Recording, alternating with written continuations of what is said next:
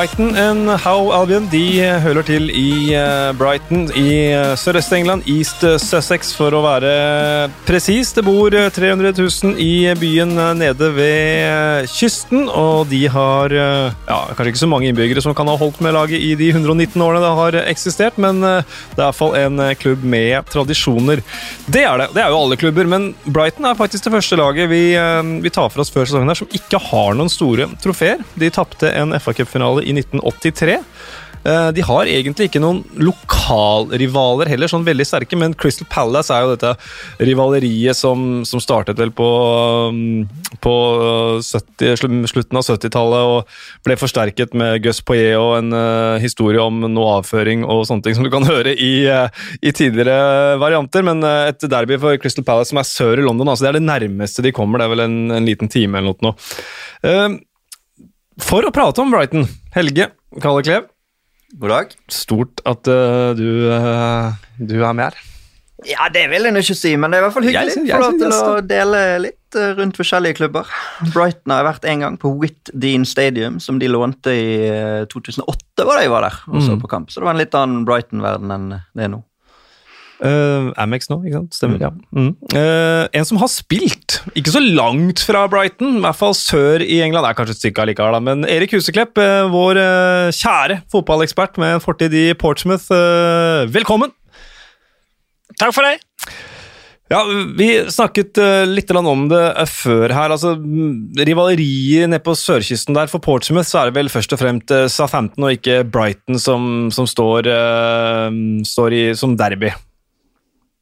Ja da, det er ingen tvil om det. Southampton Portsmouth, der er det ikke mye eh, kjærlighet mellom klubbene. Og, eh, men Brighton var, i hvert fall sånn som jeg fikk inntrykk av når jeg var i Portsmouth, så var ikke Brighton noe sånn rival, i den forstand. og eh, så det er nok riktig som du sier, at det er det der Crystal Palace-derbyet som er det største for de. Mm.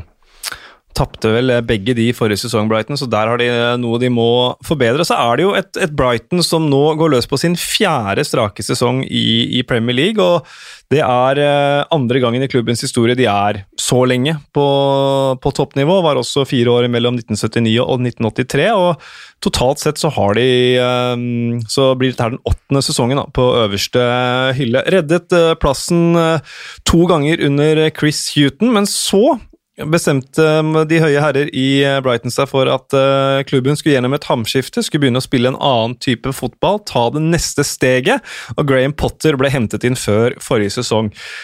Det var en god stund en nedrykksstrid, men eh, en god start etter koronaoppholdet sørget for at eh, sommeren egentlig blei ganske komfortabel eh, på Amex eh, Stadium, og Brighton endte til slutt på en 15.-plass. Eh, Erik, du har hatt Chris Huton som, eh, som manager eh, og jobbet med han. Hvordan, hvordan, eh, hvordan, hvordan var det?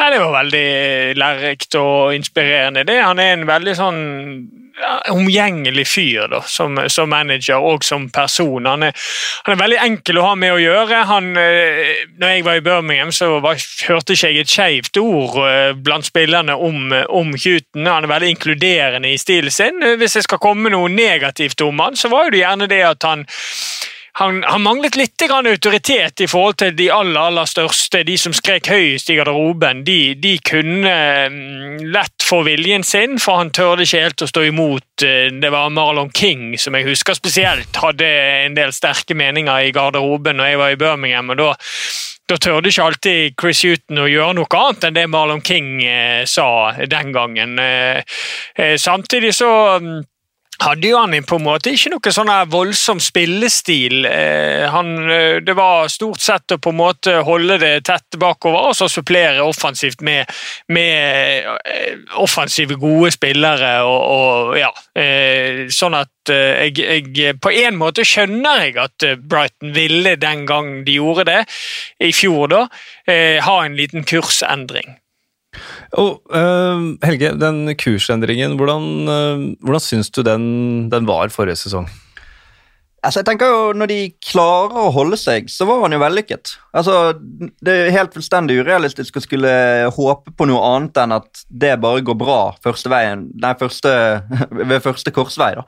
Og det er jo ingen tvil om at som klubb å, å velge å foreta det valget er risikabelt. Fordi at Brighton hadde sannsynligvis vært ganske likt på tabellen med Newton som manager også. Bare spilt på en helt annen måte. Kan godt hende de hadde rykket ned, kan godt hende de hadde fått et par poeng mer, men at de ligger i det sjiktet der uansett, det tror jeg det er lite tvil om. Og så hadde de jo de hadde en nedadgående kurve under Newton. Det så ikke nødvendigvis ut til at det ble bedre og bedre, og kanskje det var det riktige tidspunktet å gjøre det på.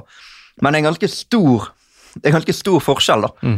på, på det som Erik Husklepp beskriver her som en Newton som først og fremst skulle stenge igjen og ikke hadde noe særlig spillestil, til det som må kunne si være en nesten litt overambisiøs Graham Potter-stil, som han tok med seg fra Først og fremst egentlig Østersund. Det er jo der han har gjort et navn eh, for seg. Han hadde riktignok eh, en kort periode i Swansea i England som manager, men han var relativt uprøvd i den engelske fotballen. Å gå inn der og gjøre det såpass den såpass store omveltingen som det er, eh, med den suksessen de hadde, det syns jeg er imponerende. Ja, hvordan, eh, hvordan er det, Erik? Du har jo spilt under en rekke ulike managere og trenere, og rekke ulike trenere vel i samme klubb og vært gjennom trenerskifter og sånn. Hvordan er det når, for, for en spiller og for spillergruppa når det kommer noen med helt andre ideer inn? Nei, det, det kan slå litt eh, ut begge veier. og eh, det, det gjorde at jeg var veldig bekymret for Brighton i fjor. Eh, det er ikke bare bare å skal plutselig Nå var man ikke fornøyd med å overleve lenger. Nå skulle man ta steget videre. Man skal spille mer offensiv, attraktiv fotball og, og, og klatre på tabellen og ta steg i, på Premier League-hierarkiet, for å si det sånn. Jeg tror at jeg, jeg, jeg tippet vel Brighton ned i fjor, for jeg trodde ikke helt at de kom til å klare det, eh, den eh, overgangen der. og Jeg følte de litt undervurderte den prestasjonen faktisk Chris Huton hadde gjort med å holde dette Brighton-laget oppe i, eh, i noen sesonger på rad. Så eh, nå klarte de å komme seg gjennom den første eh, første sesongen, og, og da er jeg litt mer positiv til fortsettelsen. For nå har Potter, eh, Potter fått et år på seg. Eh, alle spillerne er godt kjent med stilen. De har fått inn et par spennende signeringer. Eh, Så jeg er mye mer positiv til Brighton for, før denne sesongen enn jeg var i fjor. Nettopp pga. det du sier, det at du skal plutselig skifte spillestil totalt. Men eh, nå gikk nok eh, Når jeg fulgte Brighton i fjor, så syns jeg det gikk litt altså, han, kom, han gikk litt på kompromiss i noen kamper mm. med den spillestilen sin, sånn at det var ikke en fullverdig Potter-stil, syns jeg vi fikk se i fjor, men det var mye Altså, man tok det gradvis nærmere der, da, og, og det tror jeg vi kan kanskje se enda nærmere denne sesongen. Mm. De, ble jo, de ble jo tippet ned av de aller fleste før sesongen i fjor. Altså Vi hadde de vel på 19.-plass i vårt tabelltips med TV 2. eh, Og til og med i sommer, da det ble presentert et nytt tabelltips før disse ni gjenstående rundene, som var da, og Brighton lå på 15.-plass, Mm. så ble de tippet ned igjen. Altså Vi tippet da at de kom til å bli nummer 18 og rykke ned. Det var jo litt med utgangspunkt i det kampprogrammet de hadde igjen på de ni kampene, men så begynte jo de det nye, nye, den nyoppstartede fotballen igjen begynte jo de med å slå Arsenal Og spille uavgjort mot Leicester. og spille uavgjort mot Leicester mm. de to første. Sant? Så de fikk jo en flying start der, så tapte de vel for United, men så vant de borte mot Norwich, og da var det egentlig nesten avgjort. Sant? Da hadde Ja. de fått de poengene som var. og så At de blir nummer 15, de kunne gjerne like greit bli nummer 13, eller de kunne blitt nummer 17, kanskje, men eh, det å være nederlagsdømt egentlig både før sesongen og midtveis i sesongen, selv om de hadde gjort det bra, er jo noe de har vært vant til. da. Så jeg er litt spent på hvor eh, ekspertisen på en måte spår de i år. da. Fordi at eh, det er jo ingen tvil om at som spillergruppe, jo da, de har noen gode spillere, men det er ikke sånn at de plutselig er nummer ti eh, ut av ingenting. sant? De kan like greit bli nummer 18 eller 19 igjen hvis det går litt i motbakke. Mm. Så er det jo øhm, Jeg tenker det er to øhm, To-tre ting som er øhm, interessant og viktig med, med Brighton. Du var litt inne på det, Erik. Det at øh, det hamskiftet kan vi si, da, blir gjort litt sånn gradvis. Både uh, når det kommer til hvordan de spiller, litt sånn system også. Vi så de starta med tre bak, og så var de tilbake til en firer litt uh, bak. Så hvis vi tar uh, måten å spille på først, da, før spillerpersonellet, tror du Potter kommer til å rendyrke liksom mer den 3-4-3-3-5-2-varianten, eller hvordan tror du det blir, Erik? Det er vanskelig å si hva formasjon han går for, i og med at han eh, hadde litt sånn vekslende hell med, med, ulike varianter i fjor. Men eh, jeg tror jo at han ønsker å bygge videre på den eh, perioden Helge var inne på her. Den perioden etter koronapausen. For mm. da fikk jo de det virkelig bra til, og egentlig reddet plassen ganske kjapt. Og, og hadde jo en fin avslutning på sesongen, hvis du tar hele den perioden med i beregningen. Og jeg tror nok han ønsker å komme enda nærmere sin stil denne sesongen sesongen. Han visste nok at eh, det ikke var gjort over natten å, å ha en så stor stilforandring. så Sånn sett skal han ha skryt og honnør for å klare å, å gjøre det, de eh, justeringene underveis som gjør at de, de holder plassen. Men eh, jeg tror vi får se et Brighton-lag nå som, som, kommer nærmere og nærmere den stilen han virkelig vil eh, få til. og Så blir det da spennende å se om, om den slår ut i full blomst i en så tøff liga som Premier League. Mm. Eh, når det kommer på, på spiller, spillerpersonellsida, så, så har vi sett nå i sommer at uh, Glenn Murray han uh, har gått til Watford. Shane Duffy er lånt ut til Celtic. Det er jo um, to av kontinuitetsbærerne under Chris Huton, men som spilte ja, statistroller uh, under, uh, under uh, Graham Potter, så, så, det er kanskje et signal, det, det også fra, fra, Graham Potter, om at også på spillepersonell så tar han det gradvis og, og bygger om, Helge. Ja, det, det, er jo trist at vi ikke har denne Bruno Duffy Dunk Bong-forsvarsfireren i Brighton lenger. Nå er det vel det er faktisk bare Louis Dunk igjen der nå. Eh, som Ja, jo, faen, Bong er også solgt, ja. Mm. Eh, og det, det, tror jeg er lurt, da. Å ikke være helt fullstendig radikal og skulle skifte ut alt fra start av. Et par av de typene som kom midt inn der, Tariq Lamptey, syns jeg var veldig, mm. veldig bra. Eh, spent på Ben White, selvfølgelig.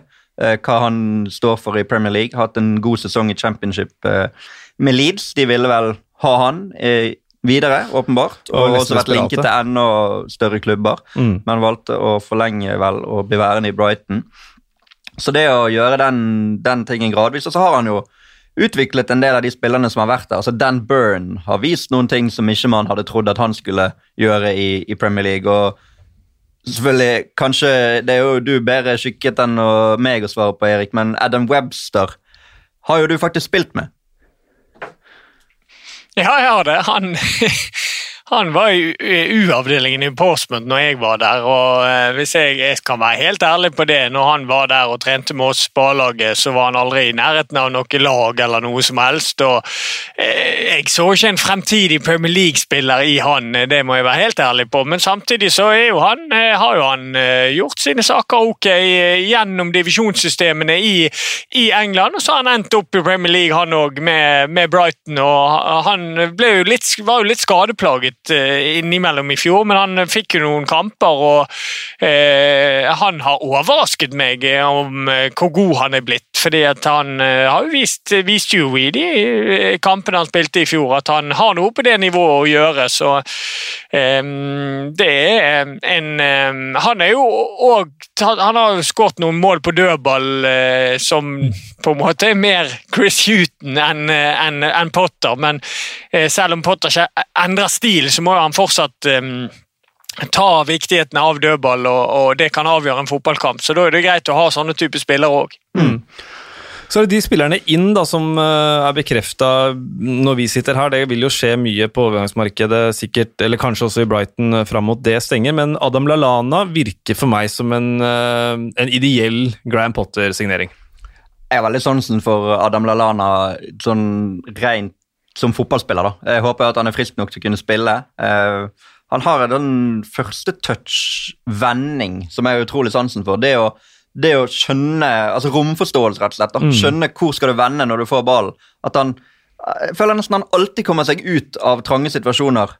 Eh, og så har jo ikke han det der supertempoet, men han har en sånn flyt i spillet som, som jeg har utrolig sansen for. Uh, det at han ikke har spilt så mye de siste årene, føler jeg har like mye med at det Liverpool-laget rett og slett har mm dratt litt fra han. da. Altså at uh, Han har ikke den samme dynamikken i beina som en del av de som spiller der, og slitt litt med skader. Uh, er jo ikke så veldig gammel, selv om han har vært uh, lenge i, i fotball. Så um, jeg er veldig spent på han. Håper at han kan lykkes, som du sier, i Potter-laget der den type tekniske ferdigheter kommer godt med. 32 år, Lalana nå. Mm. Så jeg, jeg, mener det er en oppgradering av Aaron Moy, da, som forsvinner til Kina. Ja. Og, og i forsøk... Jeg er helt enig i det. Ja. Jeg er helt enig i det. Jeg er helt enig i at eh, det er en veldig fin signering for, for for Brighton òg i forhold til hvordan de skal spille. Han er jo en veldig veldig kombinasjonsspiller. I tillegg til det Helge er inne på at han er flink på romforståelse, så er han òg flink til det å, å spille til, til medspillere og så gå i ny bevegelse med en gang. så Han er veldig mobil. så Han er, han er, han er alltid vanskelig å få tak på. og eh, Potters ønsker å, å, ha ball mye og, og spille mye med kombinasjonsspill, så er han en ideell signering for, for Brighton. Kom seg ned igjen på sørkysten der han hører hjemme. Hadde jo, Mm. Var det åtte-ni sesonger i Southampton før han gikk til Liverpool. Var jo en av de absolutt største profilene i det Southampton-laget som klarte å spille seg opp igjen til Premier League etter noen år nede i, i dvalen der. Så jeg tror han kan få en litt sånn ny vår hvis han klarer å holde seg skadefri. Så bare ta én sånn ting som sikkert er kjedelig å høre, men jeg må bare ta det. fordi øh, Hvis dere hører at Erik er litt annerledes lyd enn oss, er det fordi Erik sitter i Bergen. Og, og, og når Erik da avbryter en av oss, så har han fått øh, all tillatelse til det. Så Erik, du må bare fortsette å avbryte, for vi ser, vi ser ikke Erik, men vi elsker å høre fra, fra deg.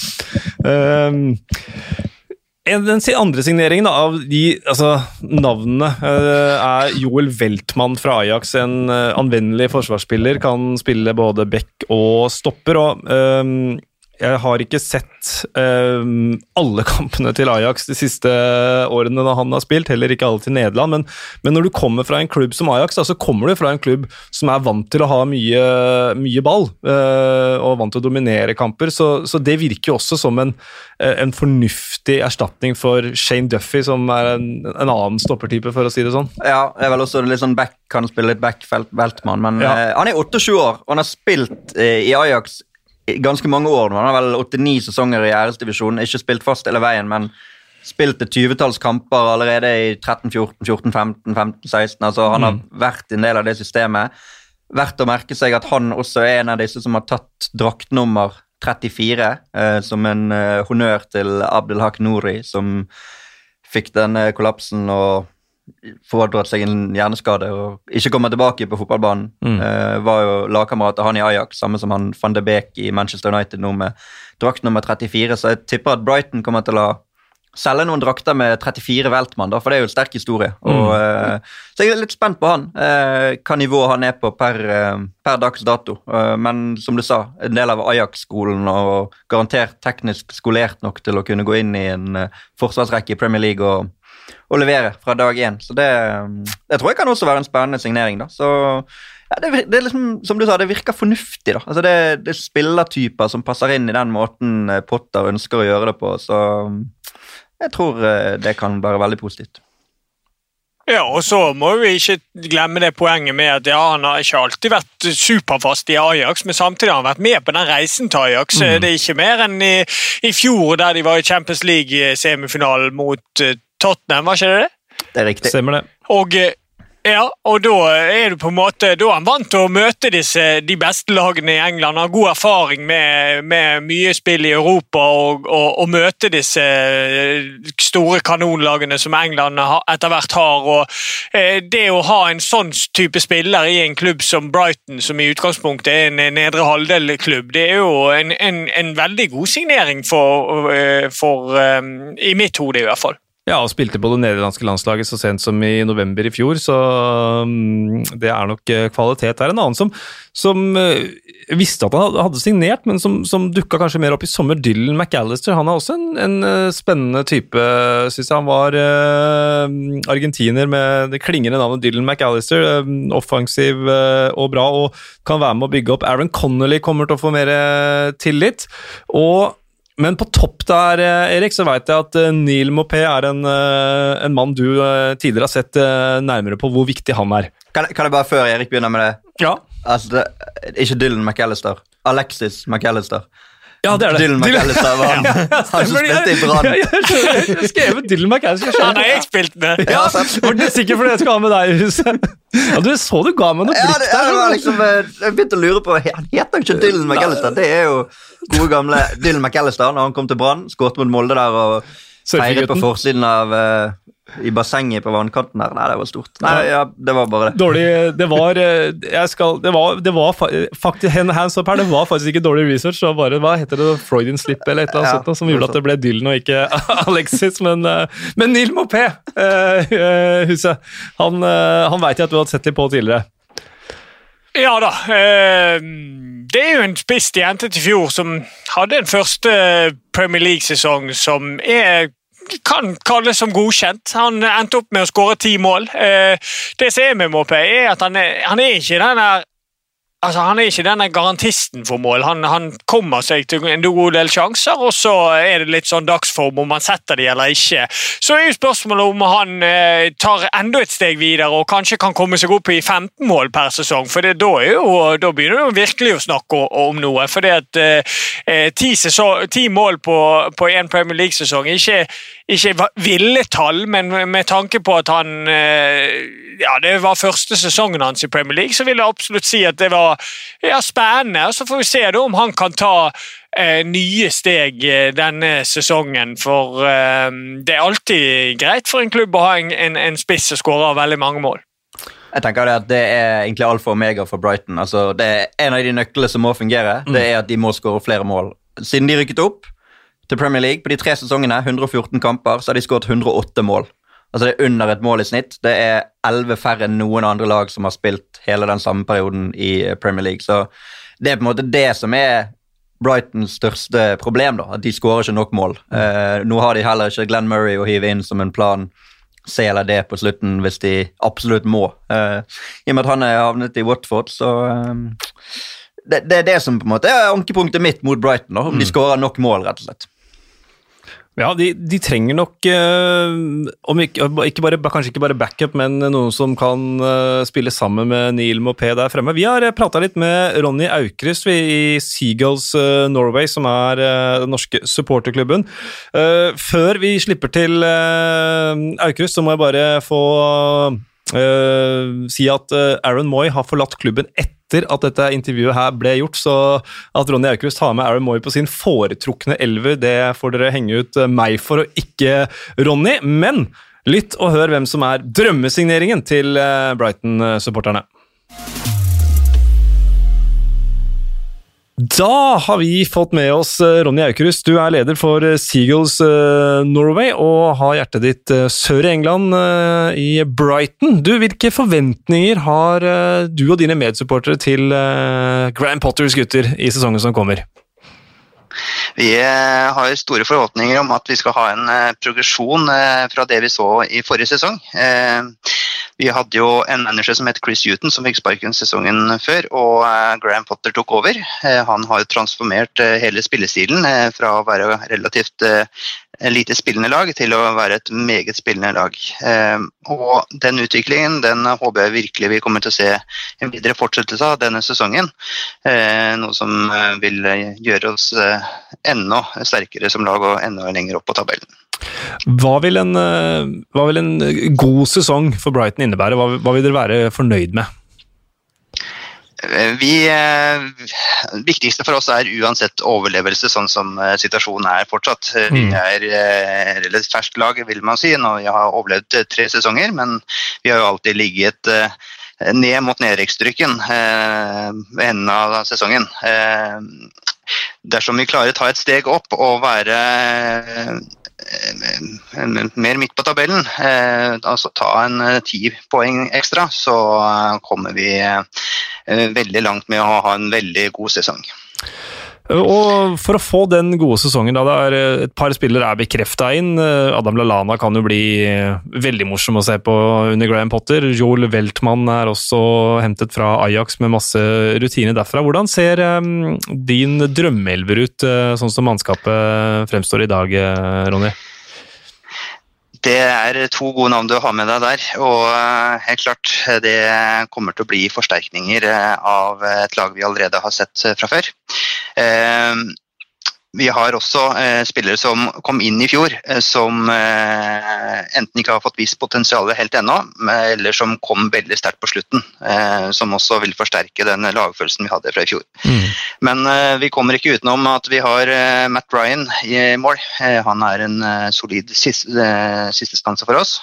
han gjør aldri noen store blundere og er en ganske god trygghet der bak. Eh, jeg ser også for meg at vi kommer til å reindyrke en 3-5-2-formasjon eh, i en enda større grad denne sesongen enn det vi hadde forrige sesong, mm. hvor mhm. vi på slutten valgte å gå litt mer tilbake til den tradisjonelle spillestilen. Eh, spesielt etter pausen for korona som vi oppstod da. Så hvis vi tenker oss en 3-5-2-formasjon, så tenker jeg at den bakre treeren vil bestå av eh, Webster og Dunk eh, som eh, to solide spillere. Mm. Og så vil den tredjeplassen i midten der stå mellom Weltmann, som du nevnte, mm. eller Ben White, som kom tilbake fra utlån fra Leeds i forrige sesong og var en meget viktig spiller for Leeds der det blir en veldig spennende kamp uh, med, mellom de fire om hvem som får de tre posisjonene. Mm. Uh, hvis vi beveger oss litt mer ut uh, på høyrekant midtbane, defensiv midtbane muligens, så har vi en av de store overraskelsene forrige sesong. det er Lamptey. Ja. Eh, Tarek Lampy, som kom fra Chelsea før eh, fjorårssesongen og fikk eh, spille de åtte siste kampene i Premier League før sesongen var ferdig. Og var jo banens beste kanskje i fire av de åtte kampene. Helt klart meget spennende spiller, bare 19 år fortsatt. Han kommer til å befeste den posisjonen på høyre side, enten som en høyreback eller som en mer offensiv eller mer midtbanespiller. Eh, ved siden av seg så tror jeg han får eh, Moi, som hadde en relativt bra første halvdel av sesongen i fjor. Mm. Eh, han får Lalana, naturlig nok. Vil befeste sin posisjon ganske fort, så lenge han holder seg skadefri. Så kommer det en posisjon som er litt mer åpen. Der har vi Proper, David Proper, nederlenderen, som mm har en litt mer defensiv eh, spillestil eh, i Brighton, men på det nederlandske landslaget hvor han ofte har vært med, så har han jo vært mer offensiv. Eh, den kampen tror jeg blir ganske hard mot Bizuma, som hadde en veldig bra avslutning av fjorårssesongen. Helt på venstre kant eh, så vil vi nok finne eh, Trossard, som eh, kanskje var den spilleren som jeg hadde størst forhåpninger til i forrige sesong, som kanskje skuffet mest, i hvert fall de kampene han startet. Han var jo superinnbytter når han kom inn. Mm. Så en meget spennende femmer på midten der. Og på toppen så ligger det naturlig at vi har Connolly og Mopé. Ja. Høres slagkraftig ut det, Ronny? Ja, jeg syns det begynner å høres meget, meget morsomt ut, altså. Det mm. gjør det. Eh, for å fylle på her, um, hvem, eh, når jeg spør deg her vi sitter nå, eh, hvem ville vært drømmesignering for Brighton? Hvem ville fått øyenbryn til å heve seg og champagnen til å sprettes? Det er to spilleposisjoner vi trenger flere spillere. Det ene er defensiv midtbanespiller, mm. og den andre er en spiss. Eh, vi er ikke akkurat kjent for å være de som har skåret mest eh, framover. Eh, og hvis jeg har forstått rett, så er vel Messi åpen på markedet? ja, ja, i hvert fall, hvert fall når vi snakker sammen nå. Vi får se. ja, så det hadde jo selvsagt vært drømmen. Vi mm. velger å tro at det ikke det kommer til å skje. Mm. Men for å være litt mer seriøs, så Eh, må jeg innrømme at eh, jeg har et håp om at eh, norske Joshua King er ja. en Brighton-spiller etter hvert. Mm. Han kommer garantert til å gå bort fra Bournemouth, det sier seg selv, tror jeg. Og han har vært observert i Brighton, i nærheten av Amex gjennom august måned. Ah. Og han har jo da en fysikk, en fart og egenskaper foran mål eh, som eh, vi mangler en god del av i dag. Spesielt etter at eh, Glenn Murray nå er eh, passert eh, sin eh, beste alder som fotballspiller. Mm. Jeg tror han ville fylt skoene til Glenn Murray meget bra. Og I tillegg til at han ville utfylt Mopé på en meget god måte, ettersom det er to litt forskjellige typer spillere som begge har stor fart. Hvis vi skal eh, plukke ut én spiller på Brighton som, eh, som er liksom one to watch, eh, en med utropstegn bak seg, hvem ville du, hvem ville du satt en strek under der? Jeg, jeg må igjen dra fram 19 år gamle Tariq Lamptey. Ja. Eh, måten han eh, kom inn i Premier League på etter eh, koronapausen. Mm. 19 år gammel, uredd høyre back for Brighton mot store klubber som Leicester, Arsenal Dvs. Si han spilte ikke mot Arsenal. United, Liverpool og City. Gjorde det meget bra i alle de kampene. Var tryggheten sjøl, selv, selv 19 år. Mm. Eh, han kommer til å utvikle seg eh, enormt med den spilletiden han kommer til å få. Og eh, jeg tror Chelsea kommer til å angre fælt på at de har, eh, ikke hadde plass til han i sin stall. Tusen takk for at du var med oss, og så ønsker vi deg og alle de andre Brighton-supporterne eh, masse lykke til med sesongen. Håper, eh, Får håpe for deres del at dere kommer dere opp på trygg grunn litt før mars, i hvert fall, i år. Tusen takk for det. Takk skal du ha. Ja, Erik, vi hører her at Ronny sier at Joshua King er eh, en realistisk drømmesignering. Hva, hva tenker du om det? Hadde det vært noe for eh, Brighton?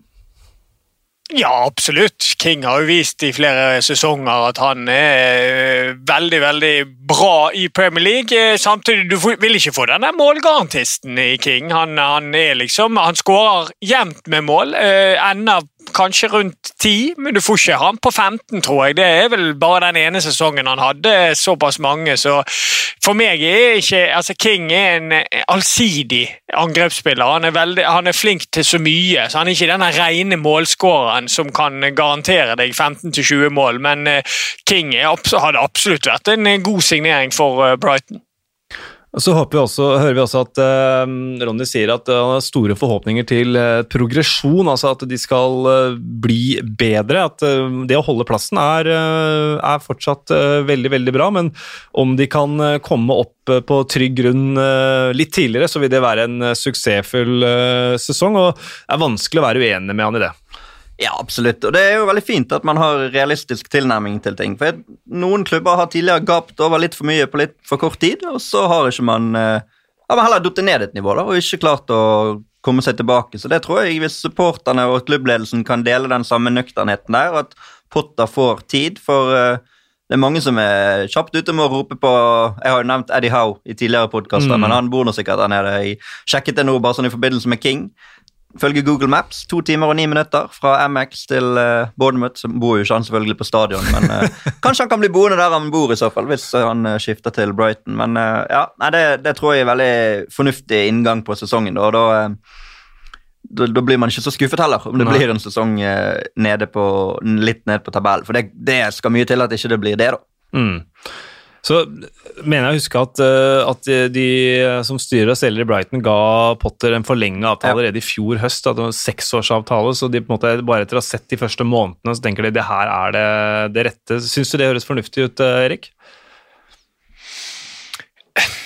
Den syns jeg er litt vanskelig, for jeg tenker jo hvorfor skal man gjøre det eh, så tidlig ut i, i, i, i um, perioden hans? Fordi at eh, man vet aldri med fotball. Fotball snur fort. og det er jo klart at hvis, eh, altså, de, de, gir i hvert fall kontinuitet, og de gir et klart signal til omverdenen at her uh, har vi troen på dette prosjektet, og dette skal vi gå med. Men hva hadde skjedd da hvis de ikke hadde hatt den der gode slutten på sesongen i fjor, og de hadde endt opp med å rykke ned? Så hadde jo, det, hadde jo vi sittet her og sagt at det var en helt håpløs eh, avgjørelse. Så jeg stusser litt. Jeg skjønner ikke helt hvorfor klubber har så hastverk med de tingene alltid, og heller eh, gi de litt mer tid, og så, så gjerne kjøre den forlengelsen. Men det er nå i hvert fall et tegn på at um, her har ikke Brighton tenkt å gjøre noen endringer på en god stund, i hvert fall.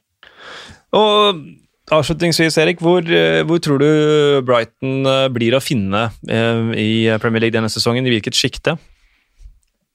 Jeg tror at de kommer til å havne på nedre halvdel, men jeg, jeg mistenker at de kan ta noe, et par par-tre små steg fremover. Jeg tror de var fra 15.-plass i fjor, og da jeg tipper jeg en rundt 12 denne sesongen. Jeg tror de eh, kommer til å, å, å ta noen steg.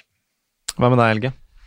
Ja, jeg, er, altså jeg er litt spent på hvordan de takler det en eventuell motgang, som Erik sier, altså sånn med Potter, da. Mm. Det å stå med han hvis det ikke fungerer For det at alternativet er jo hvis du da skal ha han ut igjen og ha inn en manager som skal redde de. Ja, det er jo- Ja, jeg sa jo det, men jeg ser for meg det kan liksom bli en sånn stilendring og sånn. De, de har en ganske tøff start. De har Chelsea, så har de Newcastle borte, så har de Manchester United, så har de Everton borte, så har de Pellas borte. Mm.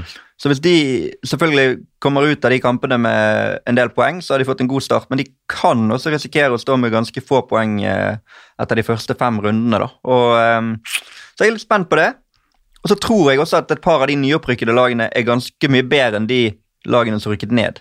Uh, og da, er, da blir det jo tøft å holde seg for et lag som lå i det sjiktet 15, Mm. 16, 17, 18 i fjor. Så jeg, hvis jeg skulle sagt en tabellplassering, så tror jeg jeg hadde endt på sånn 17.-18.-plass. Altså. Og Mm. da eh, er det små marginer om de holder seg oppe eller, eh, eller ikke. Så mm, jeg er spent. Og så er jeg spent på åpningskampen. Går på en mandag. Siden Brighton rykket opp. Spilt fem mandagskamper. Alle uavgjort. Men det Brighton har, da, at de har jo møtt akkurat den samme motstanderen i treningskamp, Chelsea. Det er treningskamp, riktignok. Endte 1-1 der. Brant et straffespark også, Brighton. Grunnen til at jeg er så interessert, er at jeg skal kommentere den kampen sjøl. Det er min første Ja. Premier League-kamp den denne sesongen. Gleder meg selvfølgelig voldsomt eh, til det. Det er en annen ting, bare sånn helt på tampen her, så var Brighton altså det første laget som fikk lov til å ha tilskuere igjen etter eh, covid-19 stoppet eh, sesongen i mars. 2500 var det innom. Og bare høre på highlightsene fra den kampen, altså, eh, gutter. Og bare høre at det er autentisk lyd. eh, Folk som klapper. 2500. Det er altså enormt med liv de kan lage sånn for å løfte kamp. Så vi får bare håpe, tro, krysse fingra for at uh, det var uh, en suksess, og at uh, vi etter hvert kan få i hvert fall reduserte tilskuerinnslipp i, i Premier League også. Og så et annet poeng Ja. før vi er ferdig. gjerne. Hvordan gikk det mellom Brighton og Chelsea på MX i fjor? 3-1 til Brighton, hvis jeg husker riktig. Og to mål av Connolly, tror jeg. Ja, det tror jeg var mot Tottenham. Det vet du, Helge. Det var mot Tottenham. Ja, det var mot Tottenham. Ja, men det ble Det var mot Tottenham. Da tok jeg feil. Ja, men det er ikke så dumt å nevne den matchen allikevel, eh, Erik. For i den kampen så skåra Alireza Jahanbac en av de villeste skåringene forrige sesong, så det er verdt, verdt å merke seg den kampen uansett. Uh, Ja. ja. ja, og, og der, der fikk vi altså nok et bevis på hva, hva mangel av kroppsspråk gjør med kommunikasjon. uh, Erik, tusen hjertelig takk for at eh, du eh, var eh, med oss, og satser på å få deg med en gang eller to til før sesongstart. Ja, det håper jeg. Ja, da satser vi på det. Og Helge Kalleklev, som alltid en glede og ære å dele studio med deg. Jo, takk for det. Jeg syns du, eh, som Brighton, best fra det 15. minuttet og ut. Nei, 15. siste minuttene. Skåret en tredjedel av målene sine fra siste kvarter i fjor, og du presterte meget bra siste kvarter av denne episoden. ai, ai, tusen takk. Og kunne aldri prestert uten at moderne media la forholdene til rette, så tusen takk til dem, og tusen takk til deg som eh, hører på.